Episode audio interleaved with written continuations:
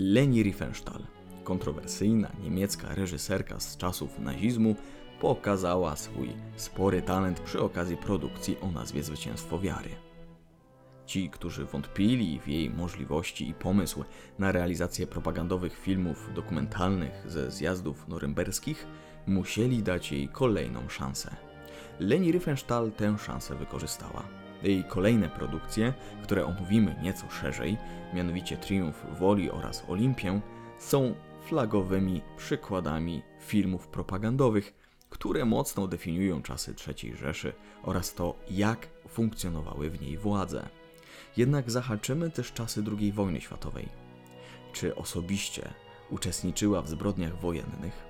Dlaczego na jednym ze zdjęć, które możecie zobaczyć też jako okładkę do tego odcinka, wygląda na taką zdruzgotaną? Powiemy też, co ją łączyło z Hitlerem oraz jak po II wojnie światowej tłumaczyła swoją działalność nazistowską. To wszystko już teraz. W drugiej części jej biografii Nazywam się Wiktor Hoffman i zapraszam na kolejny odcinek tego podcastu o strasznie długiej, ale wiele mówiącej nazwie. Będę bardzo wdzięczny, jak zostawicie po sobie jakąś pozytywną ocenę na platformie, na której tego słuchacie. Nie przedłużając, po raz kolejny kamera. Akcja.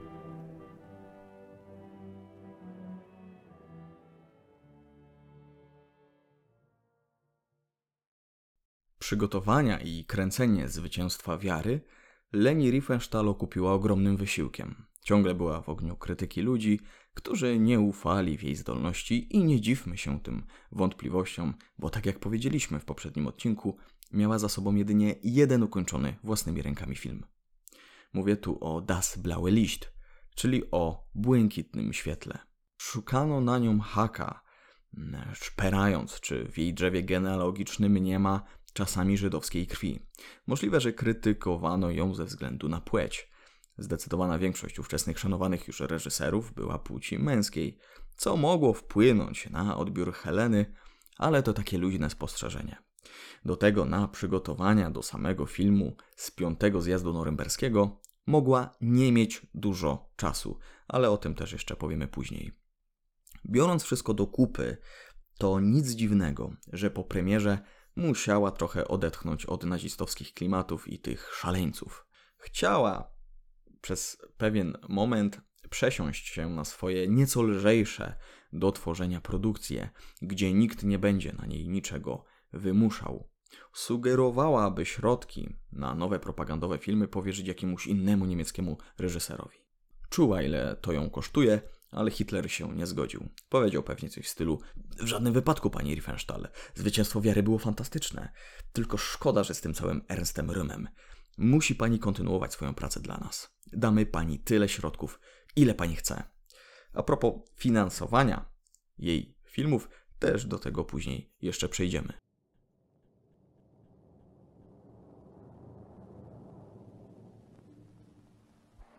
Za plan zdjęciowy Triumfu Woli posłużył szósty zjazd partii NSDAP w Norymberdze z września 1934 roku, na którym spodziewano się pół miliona osób. Takie zjazdy były niczym teatralne spektakle angażujące tysiące osób. To było przedstawienie. Są źródła, które mówią o liczbie półtora miliona zgromadzonych. Leni w tym czasie organizowała pracę około 170 ludzi, którzy pracowali przy E, całej produkcji, w tym 40 kamerzystów na lądzie oraz 9 kamerzystów, którzy mieli filmować z góry, na przykład z samolotów czy z balonów. Właśnie takie świetnie nagrane i jakościowe sceny z powietrza otwierają nam film. Na samym początku uwaga od razu skupiona jest na Hitlerze, który jest przedstawiony niczym Bóg. Fachowo to się nazywa, sprawdziłem, deifikacją. Hitler krąży po niebie i wyłania się z chmur jakby z innego świata, by ostatecznie wylądować w Norymberdze, a pełni ekscytacji mieszkańcy witają go salutując i napierając na siebie. Nad miastem nagle magicznie pojawia się słońce. Szczegółowość tego dokumentu jest doprawdy interesująca. Ówczesny odbiorca od razu wie, kto jest głównym bohaterem tego dokumentu. Oczywiście Hitler, który będzie bardzo często kamerowany, zawsze praktycznie lekko z dołu, by dodać mu kilka centymetrów, przy okazji zaznaczając, że on zawsze jest nieco wyżej w symbolicznym znaczeniu.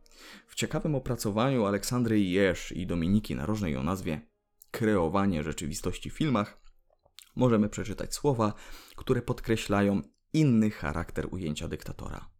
Sceny w produkcji zostały zmontowane w taki sposób, jakby Hitler był seksualnym obiektem pożądania swoich zwolenników.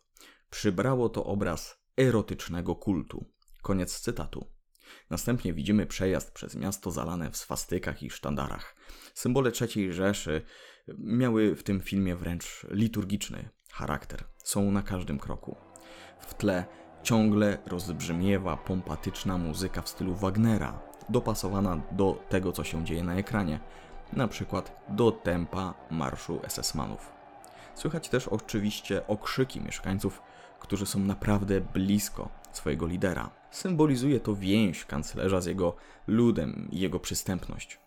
Można powiedzieć, że Triumf Woli od początku bombarduje ogromnym entuzjazmem obywateli i dynamiką, między innymi dzięki rytmicznemu i niemęczącemu montażowi. Dzięki tej energii na seansie nie dało się zasnąć. To, co w tej produkcji jest przedstawione od samego początku, podkreśla niejako narodziny nowych Niemiec, nowej siły i jedności, jakiej jeszcze nie było. Wszyscy są oczywiście uśmiechnięci. Tak się może Wam na początku wydawać, że komplementuje to dzieło, jakbym był nim zachwycony. Po prostu przekazuje to, co widać w filmie. A to film propagandowy, więc oczywistym jest to, że nie może to być produkcja powolna, przedstawione w niej postacie smutne i takie jakby były tam za karę.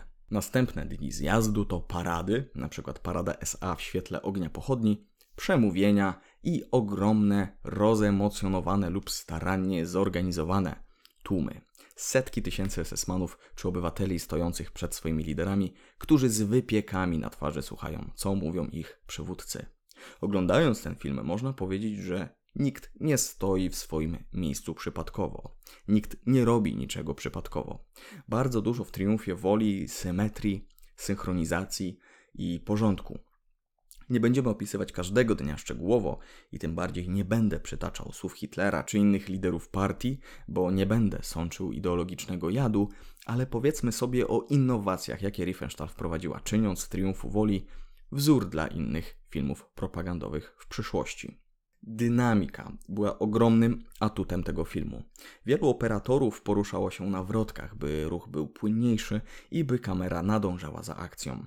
Na potrzeby nagrań powstała niemała infrastruktura. Wybudowano kilometry szyn, na których sunęli operatorzy, czy też specjalne podjazdy i platformy pozwalające na odpowiedni kąt nagrywania.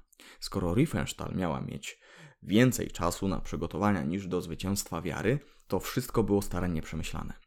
Inni kamerzyści zwisali z drabin pożarniczych czy z dźwigów, by nakręcono też dużo ujęć z góry. O nagrywaniu samolotów już mówiliśmy.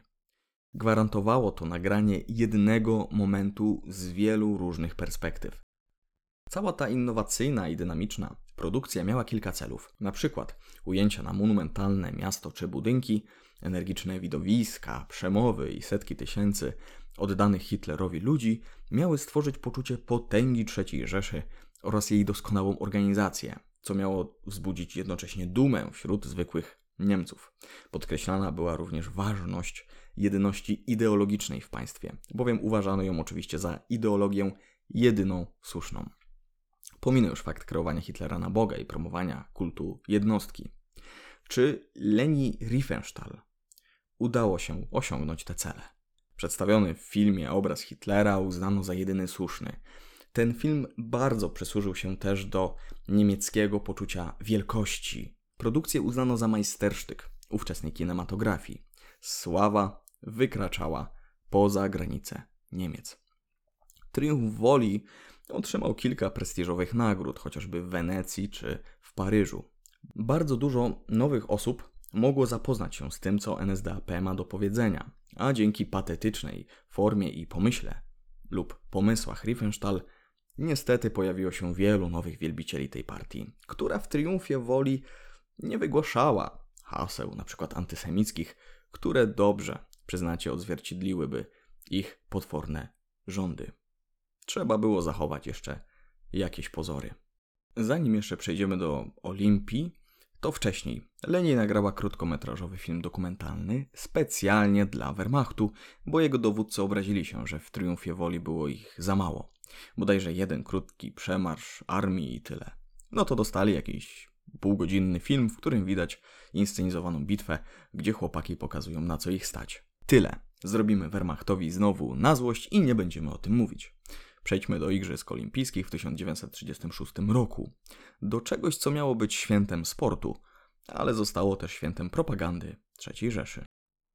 Pod względem organizacji Igrzyska Olimpijskie w Berlinie w 1936 roku wypadły naprawdę dobrze.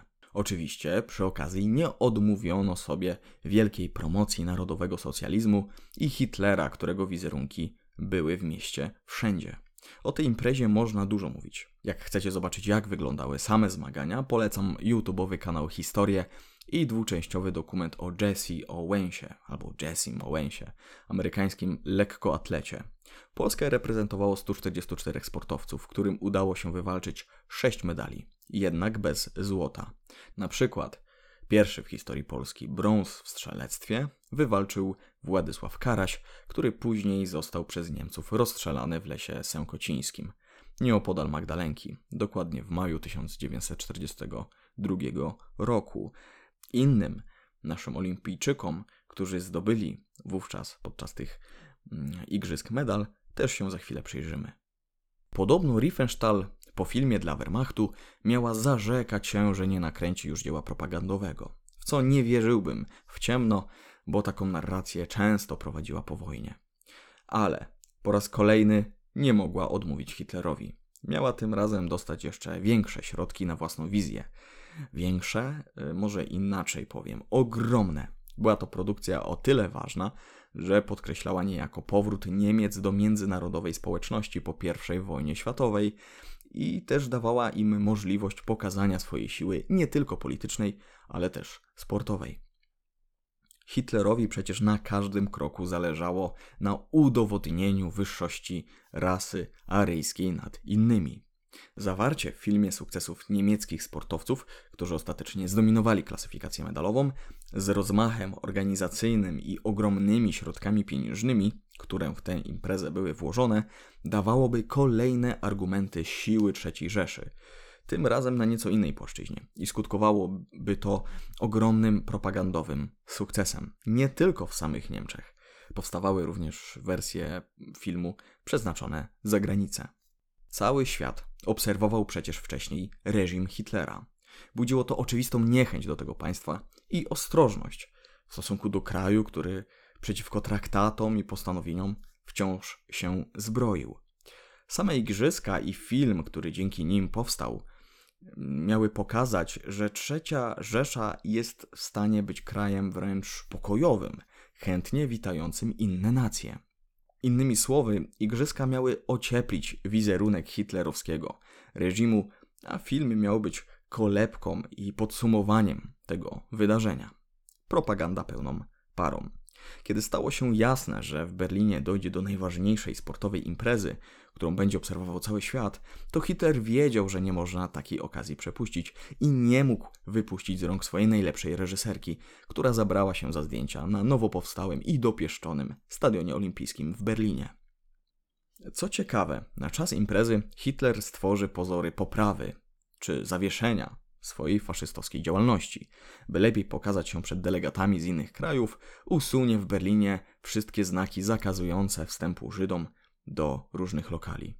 W tym samym czasie, 30 km na północ od Berlina, tak blisko tego miasta, powstawał akurat obóz koncentracyjny Sachsenhausen. Reżyserka tym razem miała pod sobą około 300 ludzi. To jest jeden z powodów sukcesu tej produkcji. Riefenstahl miała pod sobą zgraną i podporządkowaną armię kamerzystów, dźwiękowców, no i wiecie, ludzi odpowiedzialnych za tworzenie propagandy. Do tego dochodziły ogromne środki, których reżyserce nie szczędzono. Do tego stopnia, że podobno nawet Goebbels miał kręcić nosem, że za dużo tych pieniędzy jej się dało. Wykorzystywała po raz kolejny specjalnie wybudowane do nagrywania stanowiska, szyny, windy, specjalne wózki czy kilka rodzajów kamer oraz taśm filmowych, w zależności co było nagrywane. Na przykład dzięki odpowiedniemu doborowi sprzętu powstawały ciekawe ujęcia, na przykład spod wody czy pod światło, co było wtedy czymś rzadkim. Zbudowano też nawet specjalny pomost wzdłuż toru wioślarskiego. Dzięki tym udogodnieniom wszystko było niezwykle płynne, dobrze widoczne i genialnie zmontowane, co stanowi o tym, że dwuczęściowy film Olimpia był czymś innowacyjnym. Cała ta infrastruktura, której sobie zażyczyła w samym sercu zmagań sportowych, sprawiała, że toczyła boje z Międzynarodowym Komitetem Olimpijskim. No ale oczywiście zależało jej na jak najlepszych zdjęciach. Leni używała też wówczas największego na świecie obiektywu, który potrafił zrobić niezwykle wyraźne zbliżenie na sportowców w ferworze rywalizacji, w ciągłym ruchu. Mogła ich nagrywanie potrenować podczas zimowych Igrzysk Olimpijskich, które odbyły się na początku 1936 roku w Garmisch-Partenkirchen, a więc w tym samym roku co Igrzyska w Berlinie. Na marginesie. Dzisiaj odstęp między zimowymi a letnimi igrzyskami to dwa lata, więc w którym momencie nadeszła zmiana?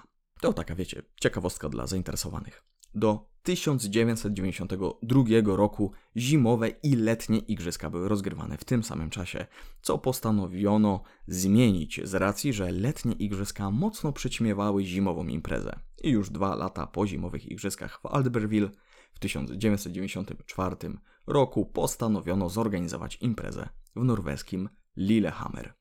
Stąd dzisiaj ta różnica dwóch lat między nimi. Wróćmy do Heleny. Z o wiele większym doświadczeniem niż te, które miała w przypadku pracy nad zwycięstwem wiary i z większą pewnością można było się spodziewać, że składająca się z dwóch części Olimpia lub spolszczając Olimpiada również będzie niezwykle dopracowanym dziełem. I jest, skoro o nim mówimy.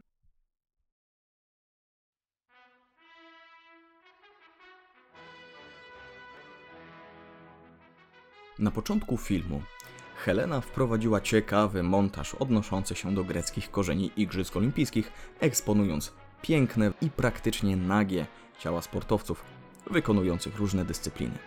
Miało to stanowić, jak świetnie to ubrał w słowa jeden z użytkowników na Filmwebie, pean dla ludzkiego ciała, lub ja bym to nazwał po prostu kultem ciała i tężyzny fizycznej, co odwoływało się też do ideału rasy aryjskiej. Następnie widzimy ciekawy montaż, pokazujący drogę z Grecji po mapie świata przez inne państwa do Niemiec. Nagle lądujemy na stadionie olimpijskim i od razu mamy wybuch entuzjazmu wśród zgromadzonych na stadionie. Widzimy zniesienie flag innych państw i prezentację sportowców z różnych części świata. Innym publiczność wiwatowała głośniej, innym ciszej. Zbliżenia na rozradowane twarze obserwatorów następowały głównie w momentach, gdy pojawiali się sprzymierzeńcy nazistowskiego państwa, np. Włochy czy Austria, która w momencie premiery olimpiady w urodziny Hitlera w 1938 roku w kwietniu od miesiąca była już przyłączona do III Rzeszy. Wszyscy sportowcy swoje oblicza mieli zwrócone w stronę ówczesnego Boga, którego wizerunek był budowany wcześniej, chociażby w Triumfie Woli, przez co niektórzy uważają Olimpię za kontynuację tamtego dzieła. Potem ceremonia zapalenia znicza olimpijskiego i następnie koncentrowano się już na samych zawodach. Dość szybko w filmie widzimy ciekawą rywalizację Polki Jadwigi Weiss z Niemką Gizel Mauermeier w rzucie dyskiem. Niemka w ostatniej próbie odebrała Polce złoto. Dzięki Riefenstahl mogliśmy obserwować te zmagania i pracę Weissówny w zwolnionym tempie. Podczas wojny Jadwiga Weiss została aresztowana i ciężko pobita wraz z mężem przez gestapowców. W filmie jest też miejsce dla innych polskich sportowców, np. Marii Kwaśniewskiej, która nawet zapozowała do zdjęcia u boku Hitlera i dwóch innych oszczepniczek z Niemiec, które w konkursie rzutu oszczepem zajęły dwa pierwsze miejsca. Kwaśniewska zdobyła wtedy brąz. Podobno w Wipowskiej loży, co oczywiście w filmie nie jest ukazane, Hitler powiedział do niej: Gratuluję, mała Polko, na co ta miała odpowiedzieć: Wcale nie czuję się mniejsza od pana. Jeśli tak było, to szapoba. Mało tego, w 1944 roku w niemieckim obozie dla polskiej ludności cywilnej w Pruszkowie zjawiła się właśnie Maria Kwaśniewska, mając ze sobą zdjęcie u boku Hitlera. Postanowiła, że pokaże je niemieckim strażnikom, którzy chociażby byli odpowiedzialni za wywożenie Polaków z tamtejszego obozu do obozów koncentracyjnych. Ci po tym, co zobaczyli, bali się jej przeciwstawić, nie wiedząc, kim Kwaśniewska jest. Zasalutowali jej, a ta wyprowadziła wtedy z obozu całe grupy ludzi, którzy być może zawdzięczali jej życie. Strażnicy nie za bardzo wiedzieli o co chodzi, ale nie śmieli powstrzymywać Polki z racji jej znajomości, w cudzysłowie, z Hitlerem. Przepraszam, że tak czasami odbiegam od tematu, ale uznałem, że warto wspomnieć o polskich medalistach z tamtego okresu. Na przykład srebrni medaliści w jeździectwie drużynowym Seweryn Kulesza, Zdzisław Kawecki, który niestety zginął w Katyniu, czy Henryk Leliwa Rojcewicz, któremu w kobiecym przebraniu bodajże udało się uciec spod ręki Rosjan, e, przez co nie podzielił losu Kaweckiego. Oni wszyscy walczyli. Ci sportowcy to nie tylko sportowcy, ale późniejsze uosobienie odwagi czy bohaterstwa narodowego. Dzisiaj nie mamy na nich czasu, ale być może warto nagrać kiedyś o nich oddzielny odcinek. Wróćmy do Riefenstahl. Reżyserka w swojej produkcji nie mogła nie pokazać zmagań na przykład czarnoskórego Jesse'ego Owensa, który bił rekordy świata i zdobył łącznie cztery złote medale, trzy zabiegi i jeden zaskok w dal. Brak zwrócenia uwagi na dokonania czarnoskórego Jesse'ego Owensa byłoby wyraźnym przejawem rasizmu i strzałem w kolano dla rządów III Rzeszy, która automatycznie zostałaby zdemaskowana. A przecież na igrzyskach grali przyjaźnie, nastawionych dla wszystkich narodów i ras. Mieli trochę związane ręce, przyznacie. Codziennie ze stadionu olimpijskiego i okolic wywożono 15 km taśmy filmowej, która była na bieżąco sprawdzana. Łącznie nakręcono ponad 400 km taśmy. Następnie Leni Riefenstahl zlepiła z niej, biorąc pod uwagę dwie części, 226 minut filmu, czyli prawie 4 godziny. Produkcja, która weszła do kin w 49. urodziny Hitlera 20 kwietnia 1938 roku, została nazwana przez niego majstersztykiem. Jakkolwiek by tego dzieła nie nazywano. Olimpia w 1938 roku stała się wzorem dla filmów dokumentalnych, a jej technologiczne elementy są używane po dziś dzień, ciesząc oko kinomanów. Film zdobył bardzo dużo nagród. Reżyserka w międzyczasie podróżowała po świecie, by promować dzieło i o nim opowiadać. Udała się również do Stanów Zjednoczonych, gdzie na początku była nawet ciepło przyjęta. Nie wszyscy utożsamiali ją z zagorzałą nazistką. Bardziej patrzyli na nią przez pryzmat utalentowanej reżyserki, po prostu. Zjawiła się jednak w USA w najmniej odpowiednim dla niej momencie. Timing był fatalny. Akurat w Niemczech doszło do tzw. Tak Nocy Kryształowej, podczas której niszczono budynki żydowskich firm, ich mieszkania oraz synagogi. To od blasku leżącego wszędzie rozbitego szkła wzięła się ta nazwa Kryształowa Noc. Nie przeszkadzało to jednak Walterowi Disneyowi, który ugościł wówczas Leni Riefenstahl jak księżniczkę. Od momentu Kryształowej Nocy zaprzestano pokazywania Olimpii w amerykańskich kinach. Hollywood odmówiło jej jakiejkolwiek współpracy, co oczywiście nie dziwi. Wtedy wszyscy zobaczyli, że brak rasizmu na czas igrzysk był jedynie pozorny. Czas mijał i napięcie eskalowało coraz bardziej. By odpocząć od pracy, na jakiś czas wyjechała do zachodniej Austrii.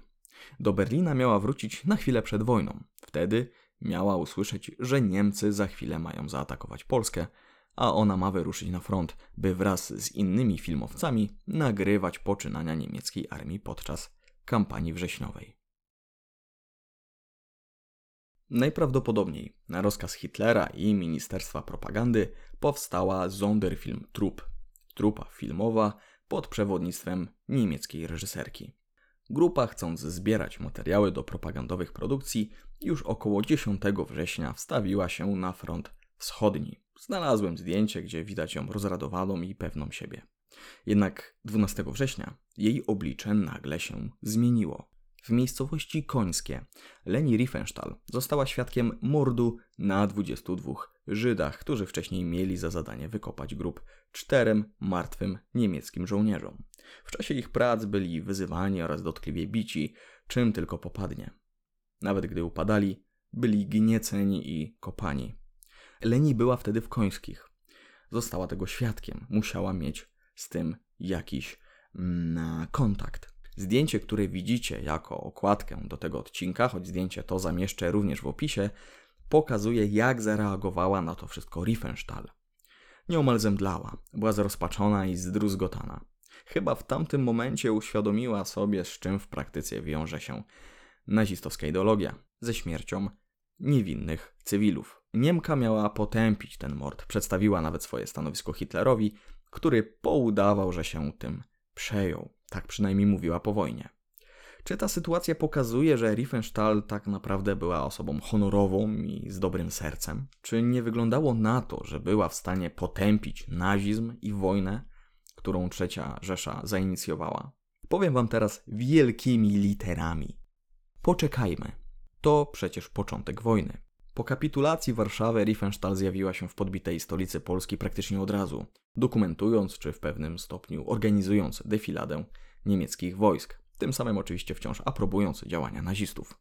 Przez jakiś czas dotrzymywała kroku armii, więc musiała mieć świadomość jej dalszych działań oraz metod. Nie we wszystko była zapewne wtajemniczana, ale musiała mieć świadomość tego, co ta armia podczas wojny wyczynia. Gdy usłyszała o wkroczeniu niemieckiej armii do Paryża w czerwcu 1940 roku, napisała Hitlerowi telegram. Z nieopisaną radością, głęboko wzruszona i przepełniona wdzięcznością, przeżywam z tobą, mój Führerze, największe zwycięstwo twoje i Niemiec, wkroczenie wojsk niemieckich do Paryża. Dokonujesz wyczynów niespotykanych w historii ludzkości. Pogratulować to o wiele za mało, aby wyrazić uczucia, które mną targają. Następnie Riefenstahl zabrała się za tworzenie filmu o nazwie Tiefland, czyli niziny, ale też tłumaczono to chyba zdaje się jako dolinę. Film był oparty na operze Eugène d'Albert, którą Hitler sobie wyjątkowo upodobał. Reżyserka również w filmie zagrała, konkretnie cygankę Martę. Zdecydowała się ją zagrać z racji, że nie mogła znaleźć nikogo odpowiedniego na to stanowisko, a do tego trwała wojna, co też mogło spowodować, że inne aktorki były zaobserwowane czymś innym. W wyniku tego wielu mówiło, że Leni po prostu do tej roli nie pasuje. Ona sama chyba twierdziła podobnie. Tiefland był kręcony jakoś w latach 1940-1944. Z racji wojny trzeba było zmieniać lokalizację zdjęć. Przez problemy wojenne ten film trafił do kin dopiero 10 lat później, w 1954 roku. Reżyserka próbowała go odzyskać bodajże z francuskich rąk. Czemu mówię o tym filmie? Leni Riefenstahl potrzebowała w produkcji ponad 100 statystów, konkretnie Romów i z grupy Sinti. Zwerbowała ich z obozów, które Niemcy nazywali obozami cygańskimi. Ci, pod przymusem, musieli się zgodzić na wzięcie udziału w tej produkcji. Wykorzystała ich do nagrania kilku scen, po czym jakby nigdy nic, mogąc wiedzieć, co się może im przydarzyć, widziała bowiem skąd ich wzięła. Oddała ich w ręce strażników, którzy ostatecznie wywieźli ich do Auschwitz i tylko nieliczni stamtąd wrócili. Dla Riefenstahl najważniejsze, że zrobili swoje. Zagrali przecież swoją rolę. Oczywiście Romowie nie mogli liczyć na jakąkolwiek gratyfikację czy ulgę za ich pracę. Leni Riefenstahl po prostu bezdusznie ich wykorzystała. Tak sobie teraz pomyślałem, że sama zagrała cygankę, mimo że nie miała cygańskiej urody. Więc idąc tym tropem, myślę, że zwykli, biali, aryjscy statyści też dobrze by się w ten film wkomponowali. 21 marca 1944 roku Leni Riefenstahl wzięła ślub z oficerem Peterem Jakobem. Niedługo później nowożeńcy udali się do rezydencji Hitlera w Berghofie. Tam Leni Riefenstahl i zbrodniarz wojenny, jej fan i miłośnik kina widzieli się po raz ostatni. Przy okazji, Wiedząc o ich ostatnim spotkaniu, kończąc temat ich relacji, możemy zadać pytanie, bo niektórych ten temat elektryzuje i ciekawi. Co łączyło Hitlera z Riefenstahl? Mówię tu o tej sferze seksualnej. Z tego co czytałem, to nic. Nie idźmy tak daleko, by mówić o romansie lub coś w tym stylu. Hitler, który był akwarelistą, malarzem, był bardzo uwrażliwiony na sztukę. Uwielbiał też film. Wymarzył sobie w życiu, w którym miał ogrom władzy, by powstało kilka bliskich jego sercu i ideologii produkcji i tytułów. Riefenstahl spełniła jego oczekiwania i wyobrażenia. Do tego była pewna siebie i komunikatywna. Po prostu bardzo dobrze robiła swoją robotę. Nic dziwnego, że często widywano ich razem. Nic dziwnego, że Hitler cenił sobie spędzony z nią czas. Owszem, chodziły plotki o jakimś ich romansie. Gdzieś wyczytałem, że był nawet taki żart, który krążył po Niemczech w pierwszej połowie lat 30. Co gdyby Hitler i Riefenstahl się poślubili? Byłoby dwóch Führerów. Coś takiego. Nie pamiętam jakoś bardzo tego żartu. Ale mówiono tak, bo po prostu pod niektórymi względami byli podobni, a ludzie to dostrzegali. Mówię tu chociażby o ich megalomanii i egocentryzmie. Amerykanie też rozsiewali takie wieści. Ale Hitler po prostu bardzo jej ufał, bo ta zdawała każdy test wychodzący z jego ręki i z ręki Ministerstwa Propagandy. Poza tym, po prostu nie ma dowodów, że z tej relacji było coś więcej. Na początku maja 1945 roku, gdy sprawa III Rzeszy została już przesądzona, Riefenstahl została aresztowana. Nie była traktowana jakoś źle, ale już wtedy uświadomiła sobie, że w jakiś sposób będzie musiała odpowiedzieć za to, co robiła, lub że w ogóle będzie musiała odpowiadać na pytanie, co robiła i jak się na to zapatrywała. Od razu przyjęła narrację, że wszystko, co robiła, robiła jedynie dla miłości do sztuki i filmu. Nigdy nie chciała nikogo skrzywdzić lub dopuszczać się manipulacji. Nie należała nigdy do samej partii NSDAP mimo że była uznana jako sympatyzująca z nazistami i czołowymi liderami. Mimo że znano jej dorobek, nie postawiono jej żadnych wielkich zarzutów, choć od razu po wojnie spędziła kilka miesięcy w areszcie domowym czy nawet w psychiatryku. Jeszcze przez lata będą uważać ją za kochankę Hitlera, ale jak powiedzieliśmy, nie ma na to twardych dowodów. Potwierdzają to też późniejsze komisje państwowe czy sąd. Jednak przez te plotki mimo ogromnego talentu, miała spore problemy z ruszeniem swojej kariery po wojnie. Ludzie bali się jej angażować do własnych produkcji. Spróbujmy teraz jej działalność podsumować, ale tym razem nie pod kątem jej talentu, tylko jej zaangażowania w działalność nazistowską oraz tego, jak to komentowała. W przypadku różnych nieoczywistych postaci, które były blisko związane z III Rzeszą, oczekuje się jednej, jedynej rzeczy. Skruchy, przyznania do błędu, przyznania zaślepienia ideologią. Oczekuje się przeprosin, świadectwa braku pełnej świadomości, co taka osoba czyniła oraz próby naprawienia błędu. Wymieniłem kilka rzeczy, ale chodzi mi tu o szeroko pojętą skruchę. Publicznie, nigdy oficjalnie Leni Riefenstahl nie przeprosiła za bliską współpracę z faszystowskimi władzami podkreślając, że jej twórczość miała walory czysto artystyczne i estetyczne, a nie propagandowe. Ja odczułem pewne wrażenie i wy też może takie wrażenie odczuliście. Mianowicie, że Leni Riefenstahl była straszną kłamczuchą. Może nam to pomóc w jej ocenie. Więc postawmy taką tezę, że jest kłamczuchą i spróbujmy to udowodnić kilkoma przykładami. Na przykład, Mówiła, że osobiście nie stawiła się w obozie dla Romów i nie wybierała stażystów do swojego filmu. Romowie, którzy grali w jej filmie i którzy przeżyli II wojnę światową, mówili, że widzieli ją w obozie i byli osobiście przez nią wybrani, bo wpasowali się w jej wizję. Mało tego, na planie mieli być traktowani bardzo źle, o czym Leni musiała wiedzieć. Co ciekawe, mogła zmyślić to, że dowiedziała się o nagrywaniu zwycięstwa wiary na bardzo krótko przed samym zjazdem norymberskim. Goebbels pisał w swoim pamiętniku, że ta zgodziła się na długo przed i podobno zareagowała bardzo pozytywnie. Czemu miałby kłamać? Goebbels jakby nie było odpowiadał po części za pracę Riefenstahl i za rezultaty jej pracy. Riefenstahl kłamała też, że jej filmy nie są finansowane przez NSDAP. Gdyby nie NSDAP, nie byłoby szans na tak zaawansowane technologicznie filmy z tak liczną ekipą filmową. Sama Riefenstahl niejednokrotnie dziękowała NSDAP za wsparcie finansowe, o czym donoszą niektóre źródła. To jest takie drobne kłamstewko, ale też może nam pomóc w jej ocenie. W przypadku kręcenia filmu o Wehrmachcie, Riefenstahl kłamała, że nie było jej na całym zjeździe, czemu przeczy gazeta Film Courier. Niby niewielkie kłamstwo, bo co to w sumie zmienia, zapytacie, ale według mnie wskazuje na to, że skoro kłamała w tak małych rzeczach, spokojnie mogła kłamać w rzeczach większej wagi. Miała też dementować w Ameryce informacje o nocy kryształowej, tym samym broniąc NSDAP. Wątpię, by był to element niedowierzania, że jej cudowny rząd takie rzeczy robi. Na pewno wiedziała o antysemickim charakterze partii i wierzyła w to, co się wówczas stało. To, że mogła nie chcieć czegoś widzieć lub wiedzieć, nie znaczy, że czegoś nie było. Ściemniała też o tym, że to niby Wehrmacht zatrudnił ją do dokumentowania wojny w Polsce podczas kampanii wrześniowej. Zlecenia na to otrzymała od Hitlera i Ministerstwa Propagandy. Podobnie było z filmem Olimpiada.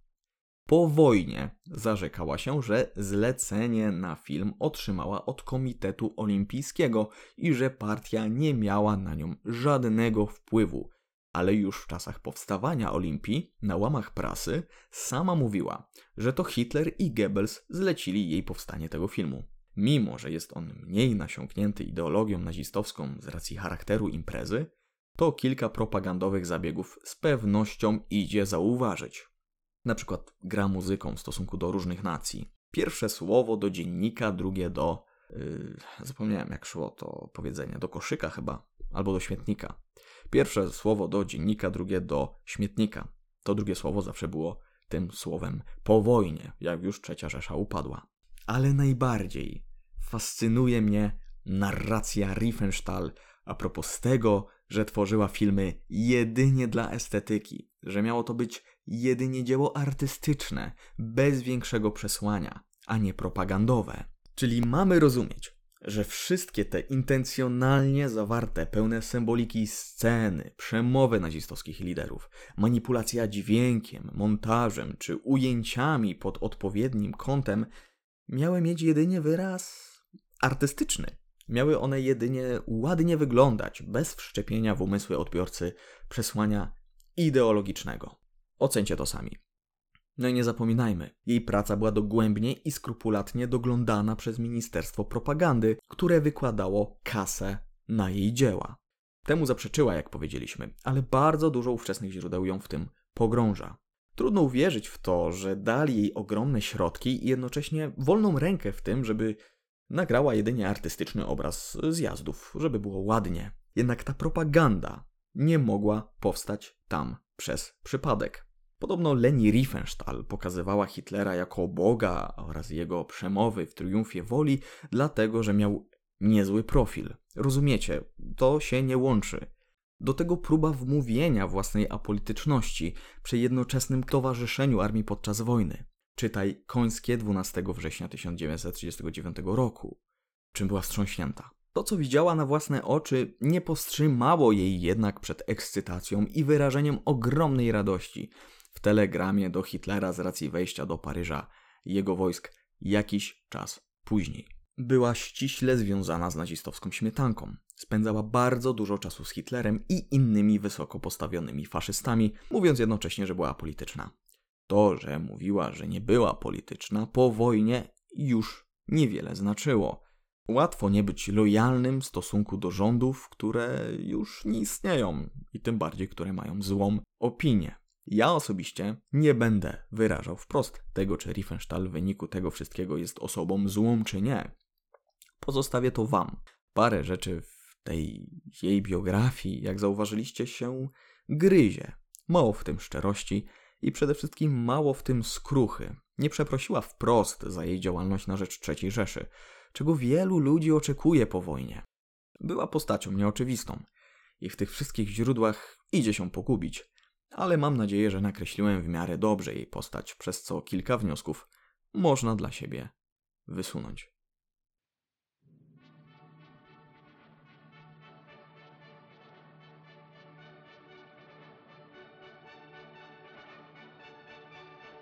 Po wojnie Riefenstahl wciąż szukała swojego miejsca na ziemi. Jej kariera mocno zwolniła z racji oczywistych oskarżeń o sympatyzowanie z nazistami. W 1954 roku wypuściła Tiefland, by później zająć się fotografią i produkcjami przyrodniczymi. Dużo czasu spędziła w Afryce, którą była zafascynowana. Poznawała też podwodny świat, nurkowała nawet w wieku 90 lat. Dzięki swoim podróżom wydała kilka albumów ze zdjęciami. Ciągle jednak doszukiwano się w niej czegoś złego. Jeśli dobrze pamiętam, wytoczono jej około 50 procesów po wojnie. Przypłaciła to zdrowiem emocjonalnym. Myślę, że trochę więcej o tym okresie życia Leni Riefenstahl napiszę na mojej stronie na Facebooku, bo chciałbym załączyć tam jakieś materiały. Więc zapraszam tam. Link do strony w opisie. Riefenstahl zmarła w wieku 101 lat 8 września 2003 roku. Zmarła we śnie. Została pochowana na cmentarzu leśnym w Monachium. Dajcie mi znać, jak Wam się podobał ten odcinek oraz co na przykład mam poprawić. Znajdziecie mnie albo na Facebooku, jak już przed chwilą mówiłem, albo na Instagramie. Gorąco zapraszam Was do oceny tego podcastu i do pokazania, udostępnienia go swoim znajomym. Niedługo kolejne odcinki, a ja Was pozdrawiam bardzo serdecznie. Życzę Wam miłego dnia i ogólnie wszystkiego dobrego.